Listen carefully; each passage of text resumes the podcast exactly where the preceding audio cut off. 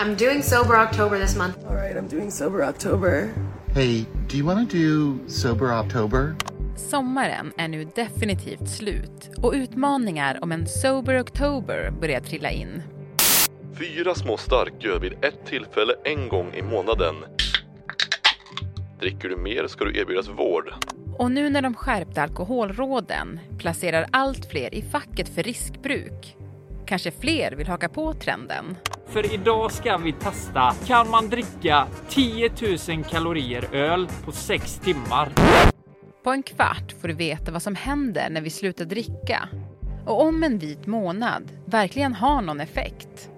Det är fredag den 29 september. Det här är Dagens Story från Svenska Dagbladet med mig, Alexandra Karlsson och idag med Henrik Ennart, vetenskapsreporter på SvD.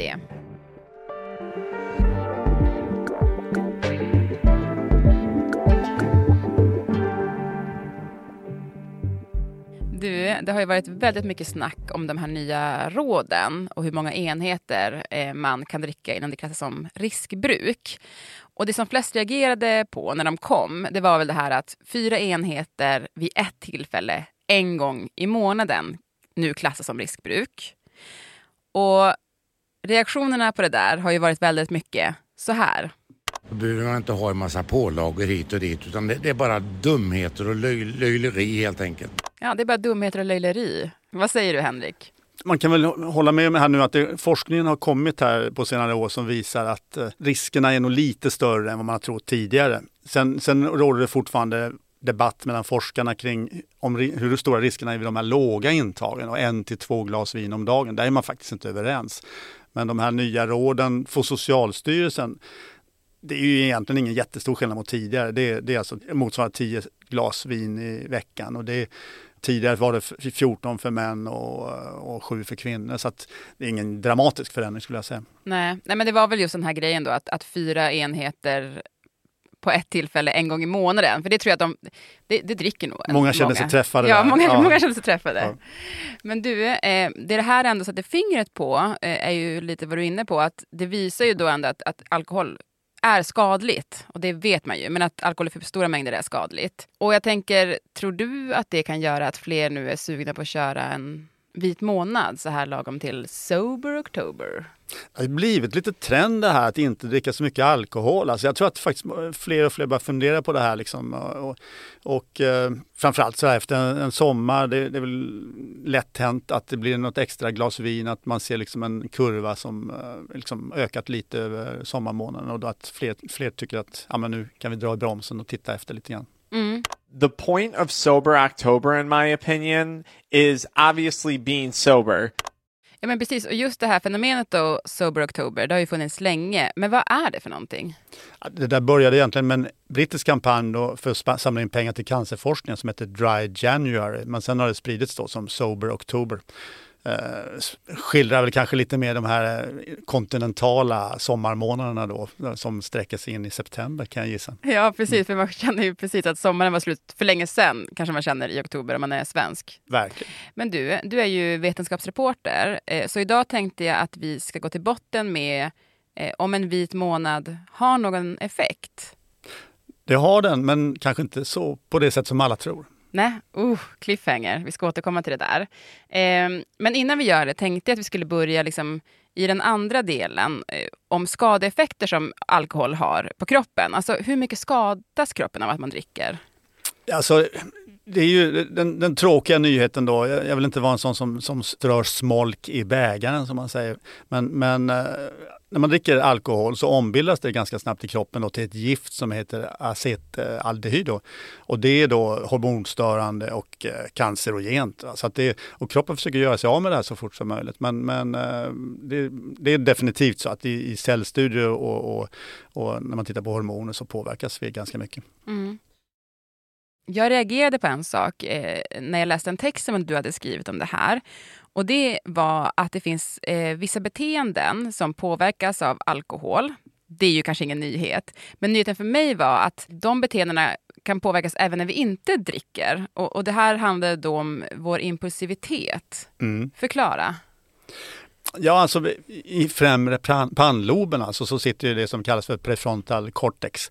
Eh, och det är ett, ett eh, område i hjärnan då som vi brukar använda för att eh, så, finkalibrera sociala relationer till exempel. Va? Så att vi tar in nyanser, vi, vi flexibilitet, mental flexibilitet och sådana saker. Och det här försvinner ju ganska snabbt.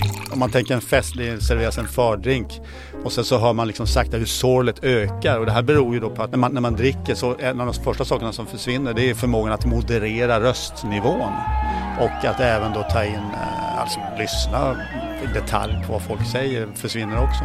Tar man ett glas till, då är det några som spontant börjar dansa. Det är liksom, då bryts den barriären. Vi går från liksom att vara ganska känsliga varelser till att eh, bli lite mer svart och vitt och, och impulsiva. Men det här kan ju också då, det finns ju positiva sidor men det finns också negativa sidor. Att det kan bli bråk. Man kan hamna i ja, när man tolkar saker fel. Och så. Ja. Mm, mm. Men som jag förstod det så, så, så skadas eh, hjärnan av det då, men det kan även stanna kvar även när man är nykter? Ja, det har visat sig det att eh, den här impulsiviteten då, den, kan, den kan finnas kvar. Så det kan vara en stor fördel då med, med att eh, ta en vit månad till exempel, att man faktiskt påverkar, eh, blir mer mentalt flexibel. Mm. Ja, men det vill man ju vara. Verkligen, verkligen. Mm. Vad finns det för mer exempel då? Alltså på saker som liksom konkret skadas eller vad man säger?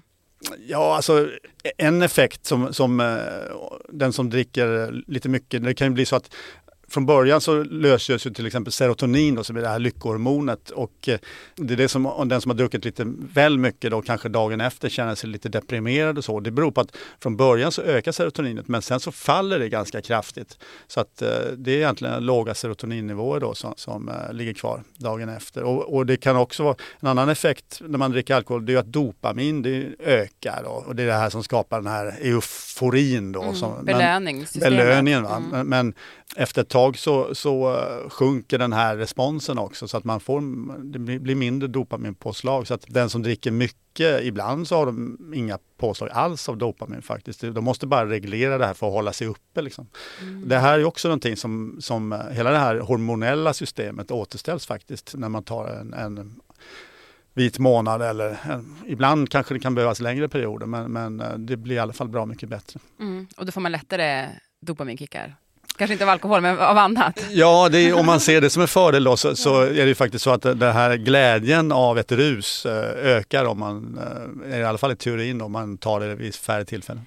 Exakt, för nu är du lite inne på vad som händer om man slutar dricka alkohol. Eh, och en sak som jag tog fasta på i en text som du skrev, det var att personer med ett missbruk kan vara väldigt mm. hjälpt av en vit månad. Ja, eh, och det här hänger ju delvis då ihop med det här att man kanske då använder alkohol för att återställa nivåer av, för att bli av med liksom depressiva känslor och sådana saker. Och det, eh, en annan sak som påverkas när man dricker det är att kortisol, alltså stresshormonet, ökar när man dricker. Och det gör att den som har druckit mycket dagen efter kan känna sig, under, i början på en vit månad, kan känna sig både stressad och deprimerad.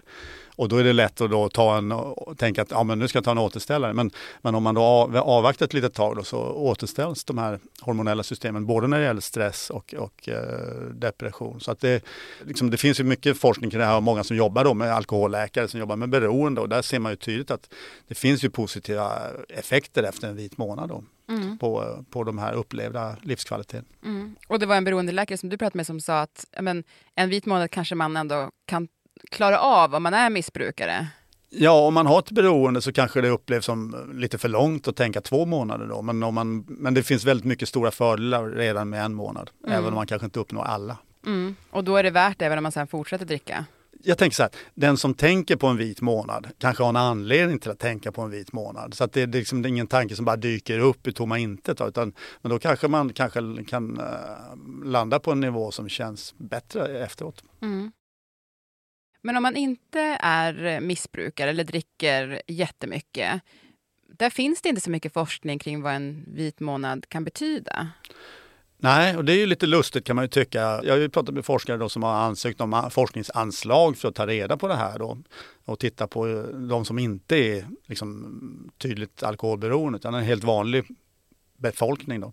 Men eh, de har inte fått anslag ännu. Så att det man vet är, det, det finns brittiska studier till exempel som visar, men det är observationsstudier då som inte är lika tillförlitliga, men de visar att, eh, på ganska stora fördelar då, när, både när det gäller blodtryck och blodsocker och upplevd livskvalitet och, och hjärt och kärl och många saker. Mm. De här forskarna då, eh, som vill forska på vad en vit månad innebär för en population då, som inte har ett missbruk, varför vill de göra det? Om det är så att det här har en stor effekt på, på blodtryck och blodsockerbalans, då är ju det på befolkningsnivå väldigt många som, som eh, skulle kunna påverka sin hälsa på det sättet och då vill man ju veta det. jag menar, en vanlig alkoholkonsument vill ju veta, de kanske känner till fördelarna men man vill kanske också veta nackdelarna så får man göra sin egen bedömning. Mm. Three reasons why Sober October is the perfect time to quit drinking. Number one, you don't have to admit that you have a problem. Ja, men om vi stannar vid det då. Vi tar en person som dricker normalt, alltså inte har ett eh, missbruk. Alltså om den skulle köra en Sober October, vad skulle hända med, med kroppen? Vad vet man ändå? Ja, men det man vet är att, eh, just det, lite av de, de sakerna jag sa, att, att eh, Eh, man får, blodtrycket går antagligen ner lite grann. Eh, blodsockerbalansen blir antagligen lite förbättrad. Eh, liksom den upplevda livskvaliteten, eh, alltså man mår högst sannolikt bättre psykiskt. Och det visar sig då också kanske att man blir, får mer, känna mer energi och sådana saker. Eh, rent fysiskt så är det också bra för kärlen, va? hjärta och kärl. Mm. Om kroppen ska återställa sig helt från alkohol, hur länge ska man vara utan alkohol då? Det vet man ju inte. Det, man kan väl säga att man misstänker att eh, en del sådana här synapser mellan hjärncellerna, om, man, om man, den som har missbrukat under lång tid, en svårt missbruk, då kanske det faktiskt inte går att återställa fullständigt. Men, men man har talat om eh, två till sex månader för att vara helt återställd. Och då handlar det lite om att få just eh, de här vägarna mellan hjärncellerna att, att eh, helt eh, rekonstrueras. Mm. Det är lite svårt ändå att prata om det här för att Eh, eh ett glas vin, om man inte har ett beroende, kan ju höja livskvaliteten jättemycket också. Ja men absolut, och det här är ju jätteviktigt att förstå att, att de här riskerna, vid en låg konsumtion så är trots allt riskerna väldigt små. De stora riskerna de uppstår om man dricker kanske i alla fall över två glas om dagen i genomsnitt. Då. Och då eh, så innan dess så handlar det väldigt mycket om på befolkningsnivå. Men sen är det ju också stor individuell skillnad på hur man, man känner ju själv hur man mår och så här av, av alkoholen. Men, men eh, Eh, ja, man ska i alla fall veta att de här sakerna händer även vid låga intag.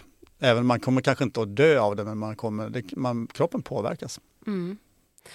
Men du, vad landar vi i allt detta då? Tycker du att jag ska köra en Sober October? Själv tänker jag så att jag vill ha kontroll över det jag stoppar i mig. Liksom. Så att om, om man känner att det är ett problem, att, att det skulle kännas lite svårt, då tycker jag att man ska ta det. Om, bara av det skälet. Bara mm. för att man visar att här är jag som bestämmer. Mm, precis, om man känner att tanken på en Sober Oktober känns jobbig. Ja, då, då, gör man det. Då gör man det, ja. Tack så jättemycket Henrik. Tack så mycket. Och dagens program producerades av Alma Hogenäs, redaktör var Stina Fischer. Om du vill mejla till oss så gör det på dagensstory.svd.se.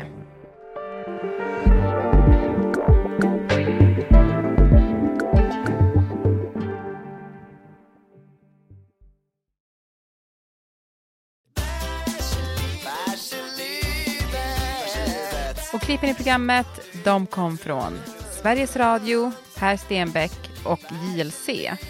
Och TikTok-kanalerna är Cara Helderman, Gracie Macura, Rai Rai Black, Doc Frank och Vibe with Stephanie. Det är bara dumheter och löj löjleri helt enkelt.